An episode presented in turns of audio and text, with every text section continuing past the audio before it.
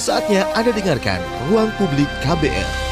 Selamat pagi, kita berjumpa kembali dalam ruang publik KBR bersama saya Don Brady dengan tema pagi hari ini mengapa koalisi masyarakat sipil minta pengesahan rancangan undang-undang pertanahan ditunda. Saudara saat ini salah satu rancangan undang-undang yang cukup ramai dibahas adalah RUU Pertanahan. RUU Pertanahan diharapkan bisa melengkapi Undang-Undang Nomor 5 Tahun 1960 tentang eh, Peraturan Dasar Pokok-pokok Agraria atau yang dikenal juga sebagai UU PA 1960. Juru bicara Badan Pertanahan Nasional Horizon Moko Dompis mengatakan bila disahkan, rancangan undang-undang pertanahan ini akan menjamin pelayanan yang jelas berkaitan dengan tata kelola pertanahan, tata ruang, hingga penyelesaian sengketa yang terjadi. Kementerian Agraria dan Tata Ruang Badan Pertanahan Nasional menargetkan RUU Pertanahan ini rampung pada September 2019 mendatang. Tapi Konsorsium Pembaruan Agraria atau KPA yang juga tergabung dalam koalisi organisasi masyarakat sipil meminta pengesahan rancangan undang-undang pertanahan ini ditunda karena menganggap masih banyak pasal yang tidak memihak masyarakat. Apa saja pasal yang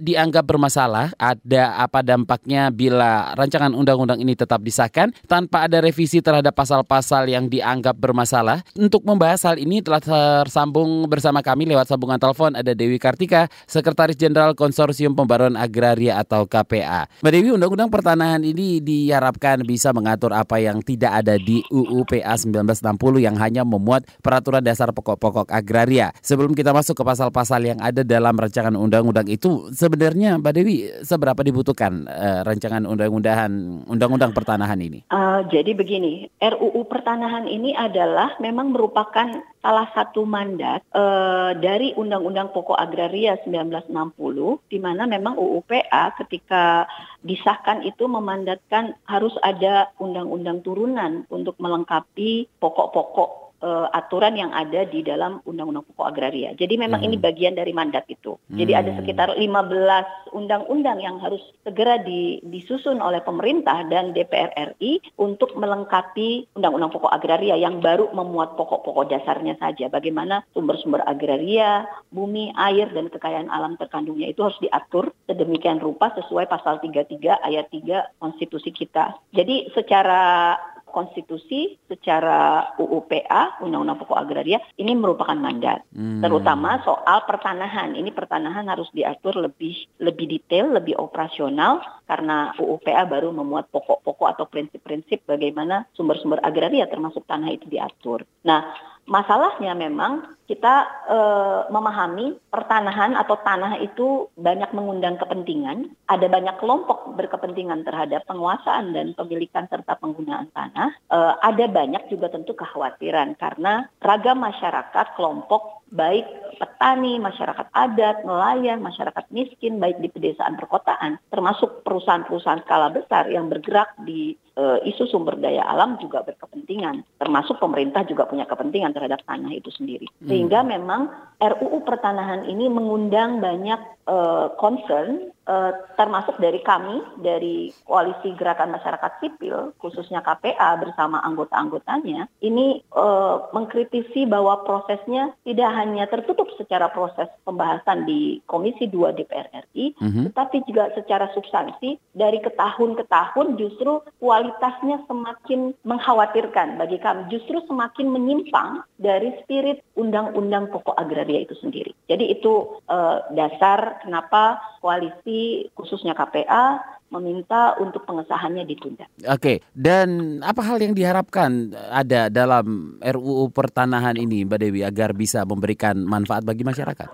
Jika uh, Kementerian ATR BPN menyatakan bahwa RUU ini penting dalam konteks pelayanan pertanahan, administrasi pertanahan, kemudian perbaikan tata kelola pertanahan, justru bukan itu masalah pokok pertanahan di Indonesia. Okay. Karena kalau hanya bicara tata kelola pertanahan, pelayanan administrasi pertanahan, itu bahkan sudah banyak e, peraturan menteri, sudah banyak regulasi-regulasi yang dikeluarkan oleh Kementerian Agraria Tata Ruang dan Badan Pertanahan Nasional selama ini untuk membuat uh, good governance di bidang pertanahan. Jadi bukan itu urgensi dari RUU pertanahan. Yang kita harapkan RUU pertanahan tidak hanya penafas dengan undang-undang pokok agraria bahwa tanah itu uh, memiliki fungsi sosial, bahwa tanah itu juga berkaitan dengan kebudayaan, uh, sosial ekonomi masyarakat. Kemudian hmm. tanah juga tidak boleh dimonopoli oleh swasta. Nah,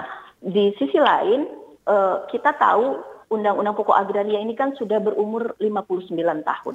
Tepat tahun ini nanti 24 September akan diperingati sebagai Hari Tani Nasional, tepat 59 tahun Undang-Undang Pokok Agraria diterbitkan. Nah, kita sudah mengetahui ada masalah paling krusial yang justru harus dijawab RUU Pertanahan. Yang pertama, soal ketimpangan struktur agraria, terutama penguasaan, pemilikan dan penggunaan tanah di Indonesia yang sudah sedemikian timpang, tidak berkeadilan di mana hanya segelintir orang, segelintir kelompok badan usaha skala besar yang menguasai jutaan tanah di Indonesia. Hmm. Kemudian ada mayoritas penduduk kita, terutama masyarakat miskin, petani, nelayan, masyarakat adat yang itu posisinya tereksklusi dan tanah-tanahnya banyak digusur dan dirampas. Nah, ada ketimpangan yang ini harus diselesaikan oleh RUU Pertanahan. Yang kedua, selain ketimpangan adalah soal konflik agraria struktural. Kemarin baru-baru ini konflik Mesuji di Lampung itu pecah lagi. Okay. Ini adalah konflik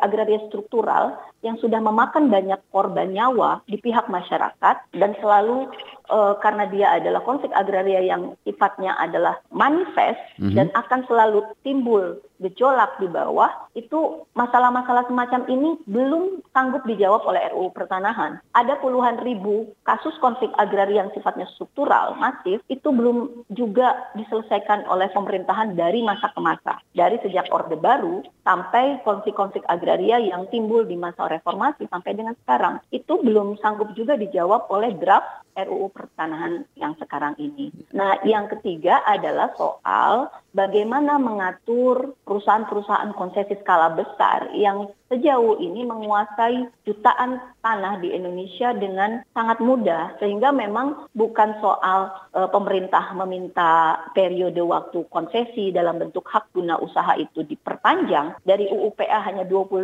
sekarang menjadi meminta 35 tahun. Hmm. Tiba-tiba diperpanjang. Bukan bagaimana merevisi, melakukan koreksi terhadap penerbitan-penerbitan izin konsesi yang telah tumpang tindih dengan desa-desa, dengan puluhan ribu kampung, dengan puluhan puluhan ribu garapan masyarakat. Nah, inilah yang sebenarnya belum sanggup dijawab oleh RUU Pertanahan. Jadi kalau masalah administrasi pertanahan itu bukan urgensi yang harus dijawab oleh RUU Pertanahan. Nah, kalau uh, posisi masyarakat sendiri Mbak Dewi dan uh, uh, seperti apa posisi uh, masyarakat dan korporasi dalam rancangan Undang-Undang Pertahanan ini menurut KPA? Jadi yang memang yang kita lihat uh, ada banyak kelompok yang punya posisi dan sikap berbeda tentu karena yeah. tanah memang punya punya konflik kepentingan juga. Mm -hmm. uh, misalnya ada yang sama juga teman-teman di beberapa akademisi kehutanan, kemudian perusahaan-perusahaan kelompok gabungan real estate itu juga sama khawatirnya dengan RUU pertanahan. Mm -hmm. Tetapi posisinya berbeda. Khawatir dengan RUU pertanahan itu tentu karena misalnya di RUU pertanahan itu ada bab mengenai reforma agraria, okay. di mana itu adalah kewajiban negara untuk meredistribusikan tanah kepada rakyat, terutama petani, masyarakat miskin. Nah, ini juga ditakutkan oleh para pengusaha real estate tentu yang berkepentingan juga terhadap kebutuhan tanah untuk pengembangan ekonominya, kepentingan investasinya.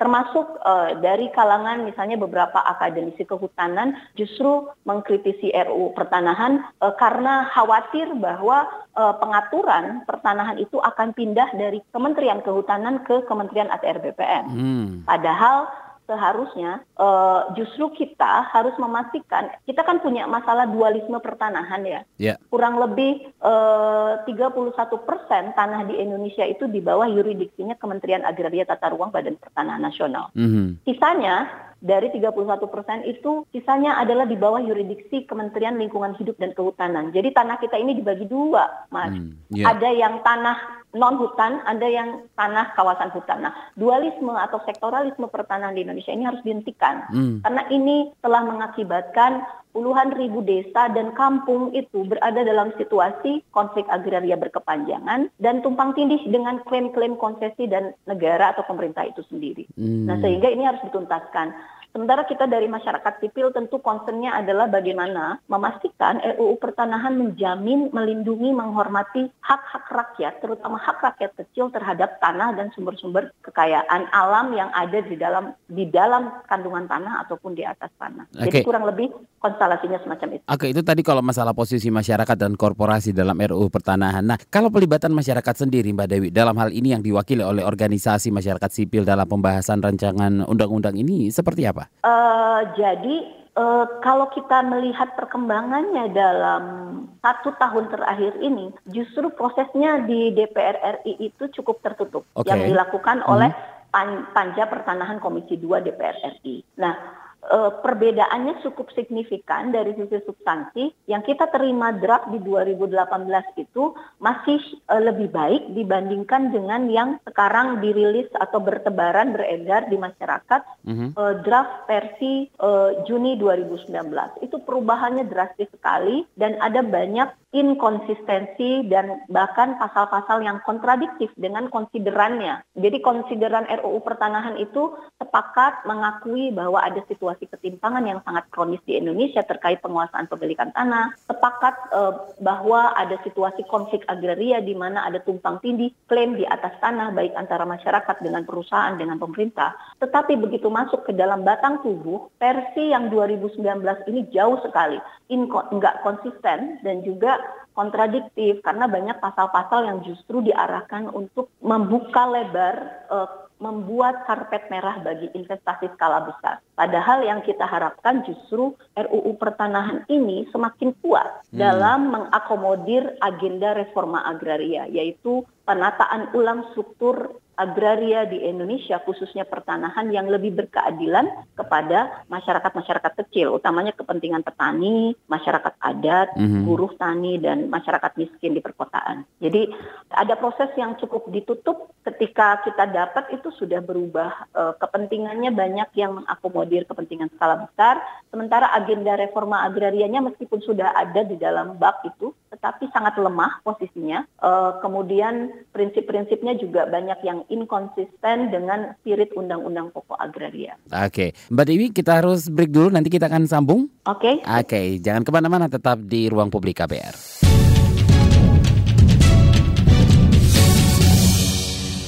Anda masih mendengarkan Ruang Publik KBR bersama saya Don Brady dengan tema pagi hari ini Mengapa Koalisi Masyarakat Sipil minta pengesahan rancangan Undang-Undang Pertanahan ditunda. Saya masih bersama Dewi Kartika, Sekretaris Jenderal Konsorsium Pembaruan Agraria atau KPA. Mbak Dewi, Ya, masih di sana ya? ya.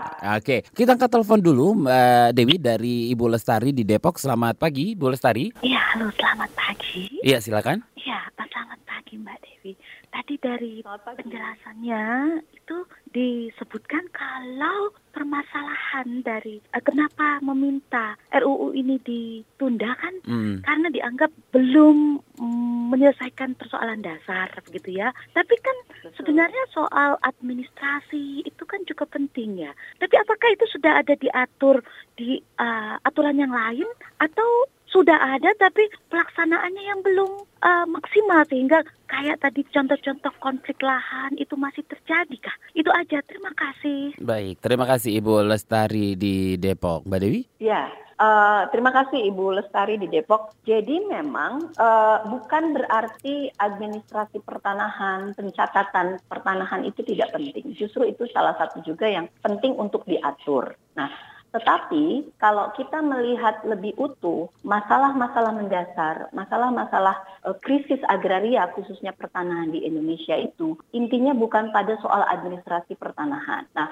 di sisi lain, secara regulasi sebenarnya sudah banyak eh, aturan di Kementerian ATR BPN Badan Pertanahan Nasional eh, itu sudah banyak yang mengatur soal bagaimana tata kelola pertanahan yang baik, yang kredibel, yang transparan dan seterusnya. Tapi memang intinya ada di soal eh, bagaimana realisasinya, implementasinya, baik di regulasi, baik di atas kertas, tapi belum tentu baik di realisasi. Nah, memang selama ini yang dihadapi dalam pelayanan administrasi pertanahan tentu soal transparansi dan uh, akuntabilitas. Uh, hmm. Kenapa untuk memastikan misalnya tidak ada pungli, tidak ada rente terhadap penerbitan-penerbitan izin misalnya. Tapi uh, itu bukan soal hanya persoalan uh, administrasi pertanahan saja dan itu tidak perlu sampai di level undang-undang. Okay. Nah, Sementara undang-undang pertanahan ini kalau kita mengacu dari sejak UU PA 60 sampai sekarang kita menginjak uh, usianya ke 59 tahun itu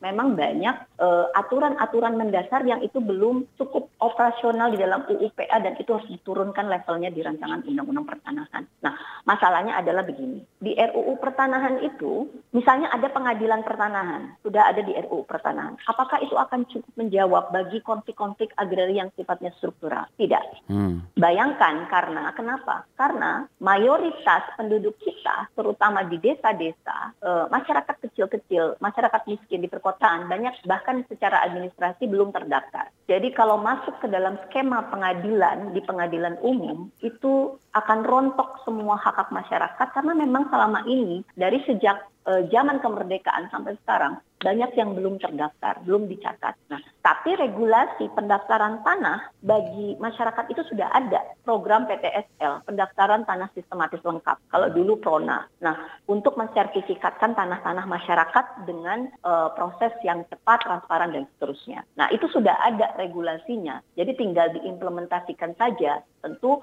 harus juga tidak diskriminatif. Artinya bukan bagi masyarakat yang istilahnya punya uang menengah ke atas dan seterusnya, tapi pendaftaran pencatatan dan pendaftaran tanah itu juga harus menyasar kepada masyarakat-masyarakat kecil. Nah, jadi bukan soal belum ada e, regulasi atau program. Sementara di di RUU pertanahan ini yang kita butuhkan adalah bagaimana RUU ini menjawab masalah konflik agraria yang sifatnya struktural hmm. antara komunitas, antara desa, kampung yang itu tumpang tindih dengan klaim konsesi perusahaan baik swasta maupun negara milik BUMN termasuk dengan aset tanah pemerintah, termasuk dengan kawasan hutan. Karena begini Mas, misalnya begini, yeah. ada kurang lebih 30 ribu desa di Indonesia, artinya hampir setengahnya desa di Indonesia itu masih dikategorikan atau diklaim sebagai kawasan hutan. Hmm. Padahal existing realnya di lapangan itu sudah bukan hutan lagi, tidak bisa diaku-aku lagi sebagai kawasan hutan. Itu sudah desa-desa, sudah desa definitif, ada pemerintahan desanya, ada sekolah, ada ada perkampungan,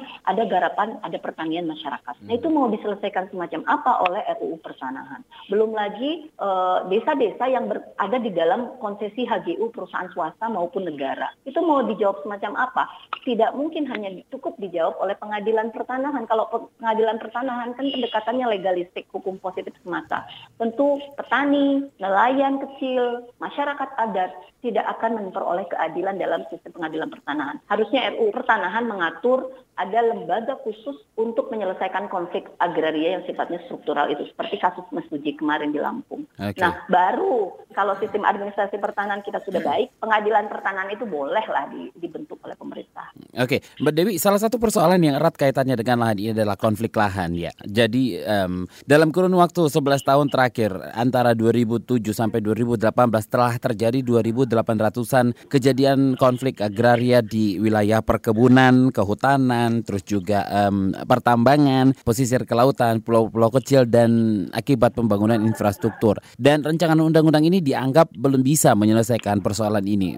Betul. Iya, pertanyaan saya ini mengapa konflik lahan terus terjadi, Mbak Dewi? Karena memang uh, konflik agraria ini di seluruh sektor itu terbit atau timbul karena ada keputusan pejabat publik. Apakah itu pejabat publik di Kementerian ATR BPN, Badan Pertanahan Nasional, mm -hmm. ataupun di KLHK, ataupun uh, lewat SK-SK uh, penerbitan izin izin lokasi oleh gubernur, termasuk bupati. Okay. Nah, sementara ketika menerbitkan izin, apakah izin, izin tambang, izin lokasi perkebunan perkebunan, hak guna usaha bagi perusahaan-perusahaan perkebunan skala besar, HTI untuk perusahaan kehutanan itu yeah. tidak melihat bahwa di tanah-tanah itu sudah ada masyarakat yang tinggal, sudah ada kampung, sudah ada pertanian warga yang itu dianggap itu tidak ada uh, status hukumnya, jadi dianggap itu perambah hutan, perambah tanah dan seterusnya. Hmm. Ada diskriminasi juga po terhadap posisi masyarakat kecil di di dalam bagaimana pengalokasian tanah itu menjadi diskriminatif hanya untuk uh, konsesi atau investasi skala besar tapi lemah sekali mengakomodasi kepentingan dan hak-hak masyarakat kecil. Oke, nah, kalau- kenapa tim- ya. timbul tumpang tindih.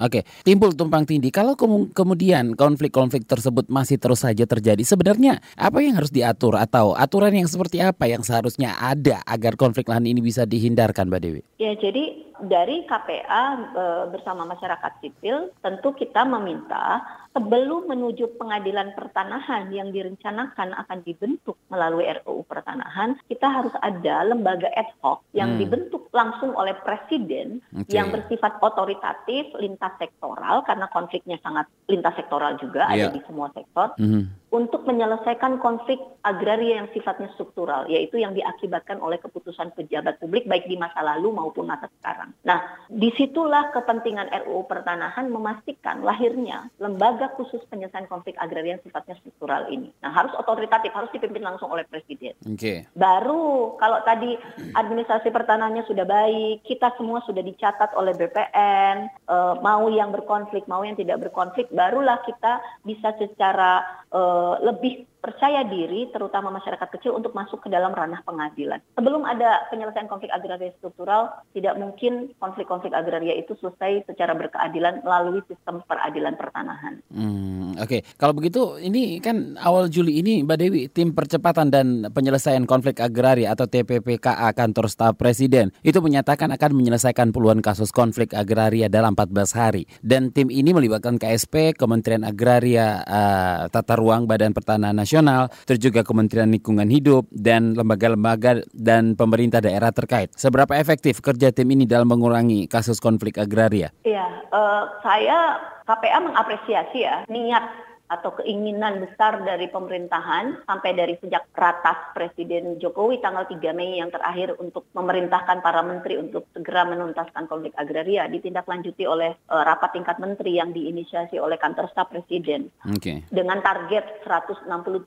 kasus untuk segera diselesaikan tahun ini bahkan ada 12 kasus yang harus sebelum presiden dilantik Hmm. itu saya apresiasi. Tetapi itu adalah konflik-konflik agraria yang itu sudah kronis dan menahun dan juga beberapa adalah konflik agraria baru. Yang saya melihat kalau tidak ada terobosan politik, tidak ada terobosan hukum untuk menuntaskan konflik itu, saya pikir itu hanya targetan saja dan Oke. akan sama mengulang seperti proses sebelumnya, hanya didata, hanya proses pengaduan, kemudian tidak ada terobosan apa pun. Eh, ini akan di- diselesaikan hanya dalam beberapa hari, beberapa bulan, bahkan sampai akhir tahun. Saya kira kalau tidak ada keputusan politik, misalnya contoh, bagaimana akan menyelesaikan konflik masyarakat desa-desa dengan PTPN, perkebunan milik negara, yang Hmm. itu harus eh, Menteri BUMN juga ikut memastikan itu dikeluarkan dari catatan aset negara, Oke. termasuk Menteri Keuangan. Nah itu nggak akan hanya bisa selesai dengan Menteri eh, apa ATR BPN dan Lingkungan Hidup misalnya. Bagaimana dengan kasus-kasus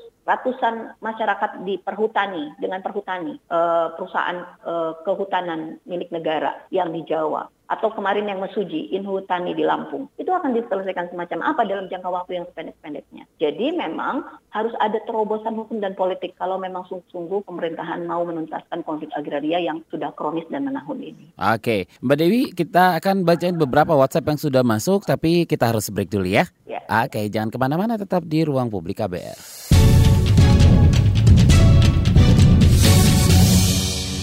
Anda masih mendengarkan Ruang Publik KBR bersama saya Don Brady dengan tema pagi hari ini Mengapa Koalisi Masyarakat Sipil minta pengesahan rancangan Undang-Undang Pertanahan ditunda? Dan saya masih bersama Dewi Kartika Sekjen Konsorsium Pembaruan Agraria atau KPA Mbak Dewi? Ya, Ya, sebelum em, kita bacain WhatsApp tadi, ini masih ada satu pertanyaan terkait dengan pembentukan tim dari eh, kantor staf kepresidenan itu, Mbak Dewi.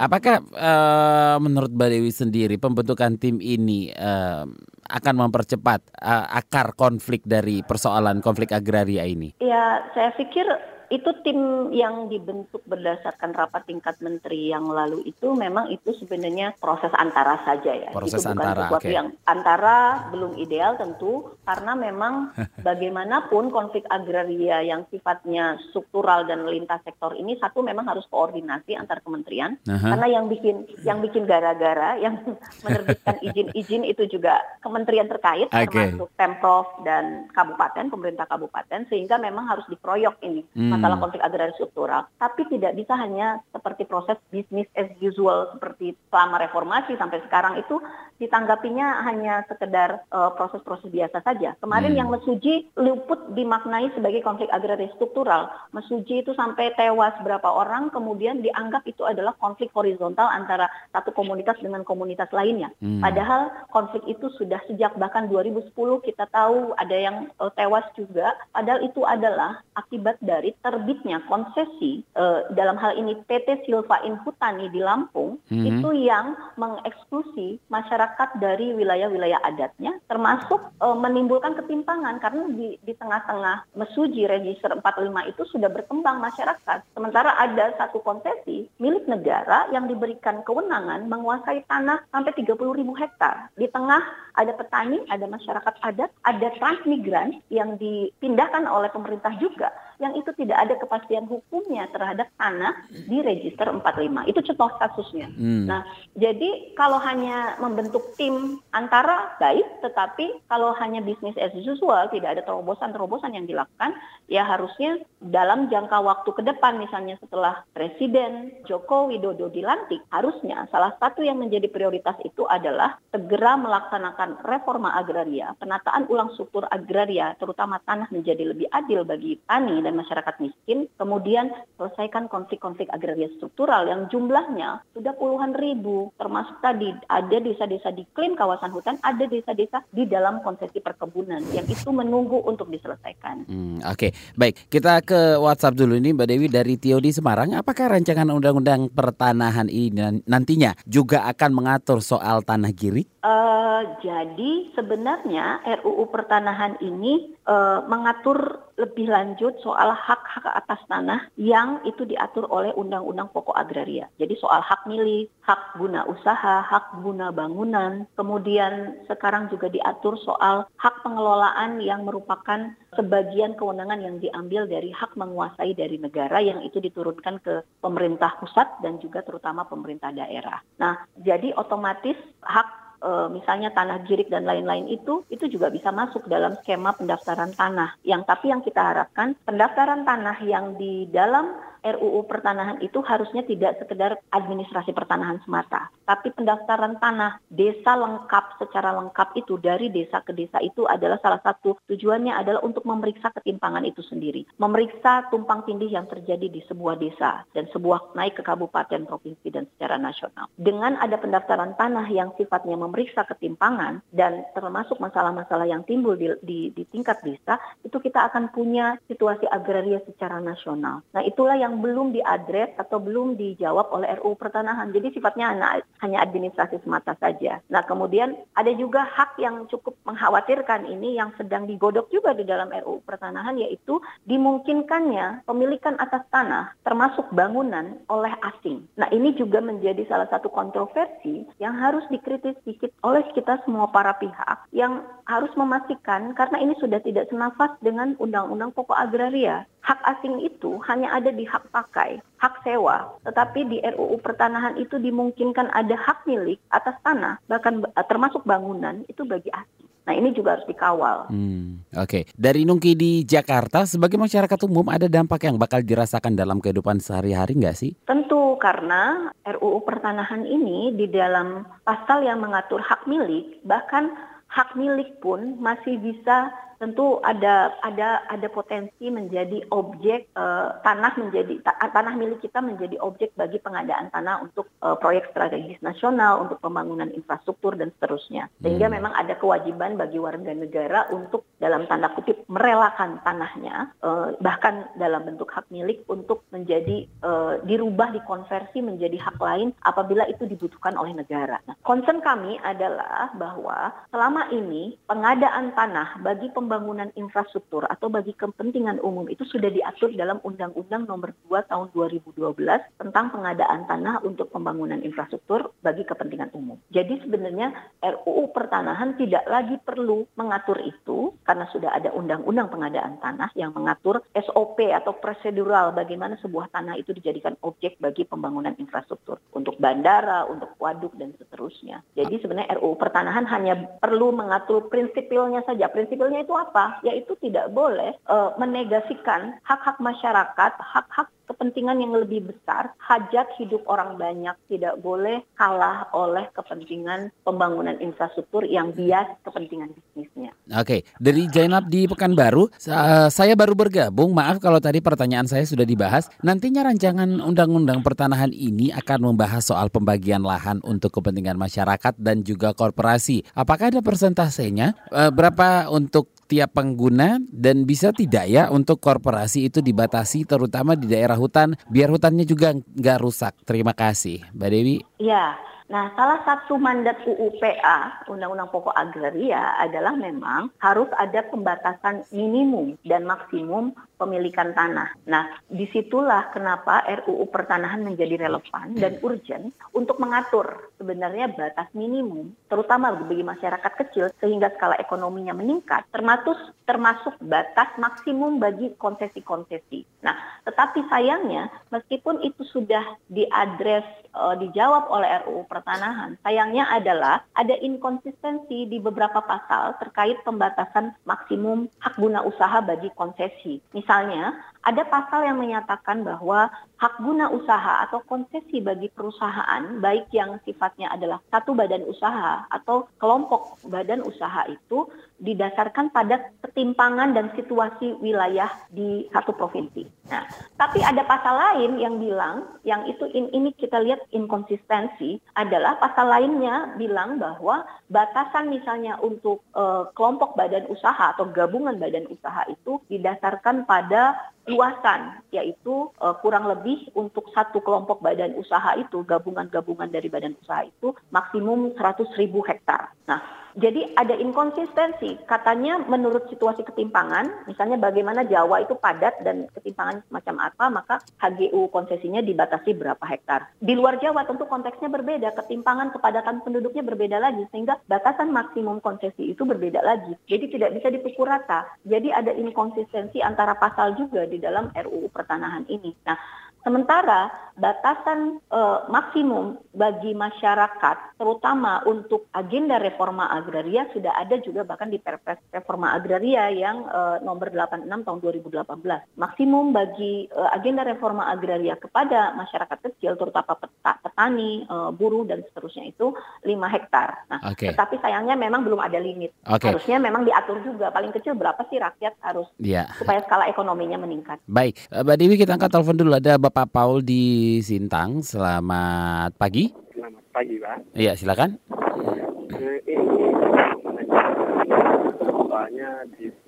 Uh, Bapak Paul bisa agak sedikit uh, mencari suaranya kurang jelas? Halo, halo. Iya, iya. Bagaimana Pak? Sudah jelas? Sudah jelas, Pak Paul, silakan. Uh, ini kita menanyakan di tempat di daerah desa ini kan uh, ada masuk perusahaan yang namanya HTI. Oke. Okay. Nah, itu dulu uh, zaman di, di masa orang tua kemarin itu katanya sih kontrak. Oke. Okay. Uh, terus uh, masyarakat setempat merasakan kesulitan untuk apa untuk mendapatkan hasil sementara itu kan dalam jangka waktu per sekian tahun baru mendapatkan hasil panen. Hmm. Hmm, terus ibaratnya dalam pembagian hasil itu uh, saya sebagai masyarakat merasa kurang cukup untuk penggunaannya. Terus kita untuk menariknya untuk menggunakan areal tersebut kembali itu uh, harus berlawanan dengan badan hukum hmm. yang untuk oleh okay. perusahaan. Itu bagaimana tuh? Oke, okay. uh, jadi saya untuk... coba ulang dulu Pak Paul pertanyaannya ada satu perusahaan yang mengontrak lahan warga, begitu? Mm -hmm. Ya, mm -hmm. dan ada kontrak di dalamnya untuk uh, apa namanya pembagian hasil dan semacamnya, begitu ya? Iya, betul. Tapi betul. hasil yang didapatkan tidak sesuai. Mm -hmm. Oke, dan untuk meng, apa namanya mengambil lahan itu kembali harus melalui proses hukum seperti itu ya, Pak Paul ya? Iya, iya betul sekali. Baik, Pak. terima kasih Pak Paul Sintang. Selamat pagi. Oke, Mbak Dewi. Iya, uh, jadi yang disampaikan oleh Pak Paul ini adalah salah satu contoh konflik ya. agraria yang terjadi di kawasan hutan hmm. atau yang selama ini di, selalu diklaim sebagai kawasan hutan dalam bentuk penerbitan uh, izin uh, HTI hak tanaman uh, apa hutan tanaman ini yang diberikan kepada perusahaan-perusahaan untuk mengakses, menguasai dan mengusahakan tanah di dalam kawasan hutan itu untuk uh, produksi tanaman-tanaman uh, industri kehutanan. Nah, dan kemudian melalui izin-izin semacam ini diterbitkanlah uh, skema kemitraan hmm. bagaimana masyarakat bisa bermitra dengan uh, perusahaan. Nah, anggota KPA banyak yang berkonflik dengan HTI semacam ini, dengan perusahaan-perusahaan HTI semacam ini, terutama di Jambi, di daerah-daerah Sumatera itu HTI banyak. Nah, sayangnya memang proses bentuk atau model kemitraan yang ditawarkan oleh perusahaan itu sering kali tidak e, memenuhi rasa keadilan tadi yang dikeluhkan oleh Pak Paul. Nah, e, kenapa tidak adil? Karena memang sebenarnya tanah-tanah yang kemudian diambil oleh perusahaan-perusahaan HTI ini adalah sebelumnya itu ditempati digarap oleh masyarakat. Nah, tapi kemudian karena memang tadi ya sistem administrasi pertanahan kita belum merekognisi atau mengakui tanah-tanah masyarakat, tanah-tanah garapan masyarakat sehingga itu dianggap e, masyarakat tidak tidak punya bukti sah untuk memiliki dan menguasai. Kemudian ditimbulkan izin HTI oleh Kementerian e, Lingkungan Hidup dan Kehutanan sehingga dia timbul tumpang tindih. Kemudian ditawarkanlah skema bermitra dengan perusahaan. Nah, model-model kemitraan inilah yang juga sering kami kritisi bahwa harus ada transformasi sistem perkebunan di Indonesia yang itu tidak tidak merugikan dan tidak tidak bersifat adil kepada masyarakat. Uh, sharing holdernya keuntungannya itu sering kali justru tidak tidak menguntungkan bagi masyarakat. Justru yang mereka sudah menyicil juga lewat skema kemitraan itu diagunkan oleh perusahaan tanahnya, kemudian nanti masyarakat menyicil dalam jangka waktu tertentu nanti tanahnya dijanjikan akan menjadi milik masyarakat. Padahal hmm. itu sebelumnya adalah tanah garapan masyarakat. Nah, hmm. tidak bisa diselesaikan dengan proses kemitraan. Itu satu. Kenapa? Karena kalau kita mau mengacu kepada janji pemerintah untuk menjalankan reforma agraria, salah satu alokasi terbesar dari target 9 juta hektar itu adalah 4,1 juta hektar. Rencana redistribusi tanah kepada masyarakat itu adalah lewat skema pelepasan kawasan hutan. Nah, kasus-kasus atau konflik agraria semacam ini artinya yang dengan HTI, HPH atau konflik agraria masyarakat dengan perhutani kalau di Jawa itu adalah dengan segera melaksanakan uh, reforma agraria, yaitu dengan melepaskan klaim-klaim perusahaan tersebut dan kemudian dilepaskan dan diredistribusikan kepada masyarakat yang tentu berhak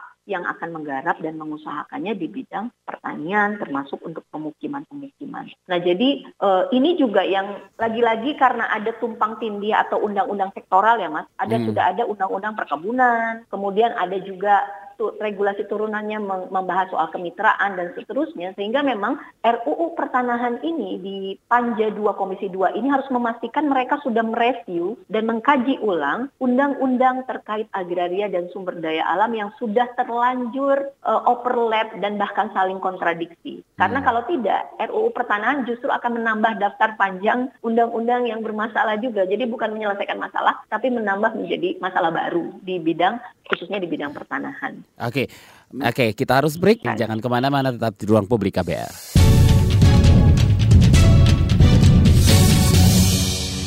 Kita sudah di segmen terakhir Ruang Publik KBR pagi ini bersama saya Don Brady dengan tema Mengapa Koalisi Masyarakat Sipil minta pengesahan rancangan Undang-Undang Pertanahan ditunda. Saya masih bersama Dewi Kartika Sekjen Konsorsium Pembaruan Agraria atau KPA. Mbak Dewi, hal lain yang uh, disoroti kuali, uh, eh, KPA ini adalah uh, soal pengakuan wilayah adat dalam rancangan Undang-Undang Pertanahan.